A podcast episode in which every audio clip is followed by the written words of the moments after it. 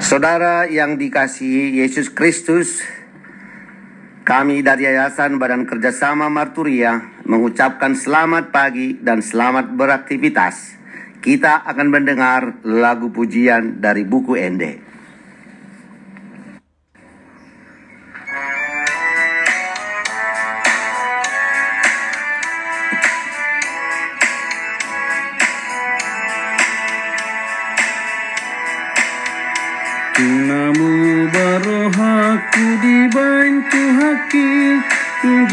Yesus maringan dia Nungaso nangawon tunda mero haki Dung Yesus maringan dia Dung Yesus maringan dia Dung Yesus maringan dia Tungaso nang Maringan dia. Haroro na huta gamdang uhum tahe dung Yesus maringan dia. Doho tau maparto habis sangat muse dung Yesus maringan dia.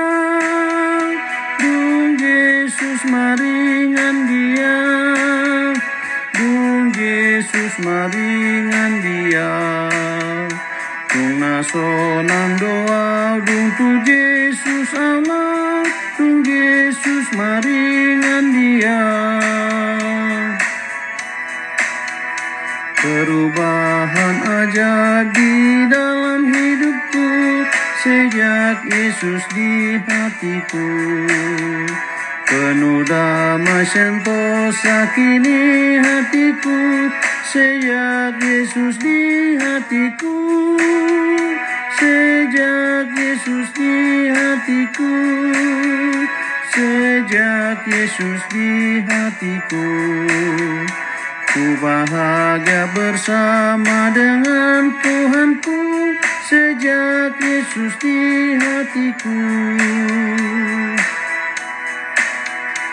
Nantikan datangnya dengan berkatnya Sejak Yesus di hatiku Dan menjadi pewaris kemuliaannya Sejak Yesus di hatiku. Sejak Yesus di hatiku.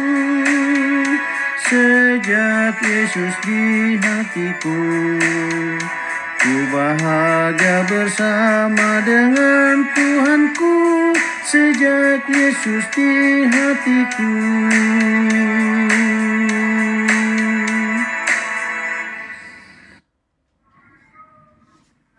Saudaraku yang dikasih Tuhan Yesus Kristus, sebelum kita mendengarkan firman Tuhan, marilah kita berdoa. Allah Bapa di sorga yang kami sembah, yang kami puja, yang kami muliakan segala puji syukur bagimu. Kami rindu Tuhan untuk mendengarkan firman-Mu karena pedoman dan kekuatan dalam menghadapi kehidupan ini. Berfirmanlah Engkau Bapa kami siap mendengar dalam nama Yesus kami berdoa dan bersyukur. Amin. Saudaraku yang dikasih Tuhan, salam sehat. Adapun firman Tuhan yang kita renungkan pagi ini tertulis di dalam Wahyu 21 ayat 3. Demikianlah firman Tuhan.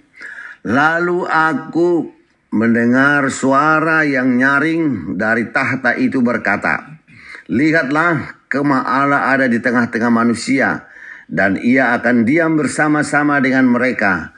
Mereka akan menjadi umatnya dan ia akan menjadi Allah mereka. Demikianlah firman Tuhan. Adapun tema adalah kemah Allah ada di tengah-tengah manusia. Saudaraku yang dikasih Tuhan Yesus Kristus, ayat ini merupakan proklamasi Yohanes dalam penglihatannya tentang langit yang baru dan bumi yang baru yang menyatakan kesatuan Allah dan orang percaya. Di dalam kitab Wahyu terdapat banyak simbolisasi. Karena itu yang dimaksud dengan kemah Tuhan bukanlah kemah di padang gurun, melainkan menyimbolkan kemuliaan Tuhan yang turun ke tengah manusia sehingga damai sejahtera, sukacita dan keadilan sejati melingkupi mereka. sebab Allah menjadikan semuanya baru. Saudaraku, inilah pesan apostolik tentang pembaharuan di dalam keselamatan oleh penebusan Yesus Kristus yaitu bahwa manusia telah didamaikan dengan Allah. Dia akan diam bersama-sama mereka dan akan menghapus air mata, perkabungan dan ratap tangis atau duka cita mereka. Sebab segala sesuatu yang lama itu telah berlalu. Pembaruan utama dalam hal ini ialah tidak ada lagi tempat bagi kejahatan dalam tatanan kehidupan baru. Manusia akan menikmati kepulihan persekutuan yang akrab dengan Allah seperti persekutuan yang dinikmati Adam dan Hawa di Taman Eden sebelum jatuh ke dalam dosa.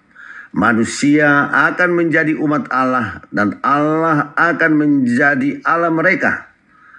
Orang yang keji, congkak, dan berhati palsu, yang berbegah dalam rasa tentram yang palsu akan dihukum. Banding Amos 6 ayat 1 sampai dengan 8. Saudaraku, dalam penglihatan yang sama, Yerusalem yang baru ditampilkan sebagai tujuan akhir umat manusia yang telah ditebus. Kota ini adalah simbol gereja yang dipersiapkan sebagai pengantin untuk suaminya. Gereja sebagai jemaat atau individu diingatkan agar tekun bersiap menghadirkan kesaksian kehidupan Kristiani mencakup iman dan buah-buah iman yang nampak dalam perbuatan nyata. Kemah Allah ada di tengah-tengah umat manusia maka Allah ada bersama kita umatnya di dalam diri Tuhan Yesus. Itulah yang kita pestakan dan syukuri pada pesta-pesta Natal nanti. Amin. Mari kita berdoa. Tuhan Yesus, terima kasih telah datang di tengah-tengah kami umat manusia. Tuntun kami bersiap menyambut kedatanganmu dan menyambut umatmu yang setia. Amin.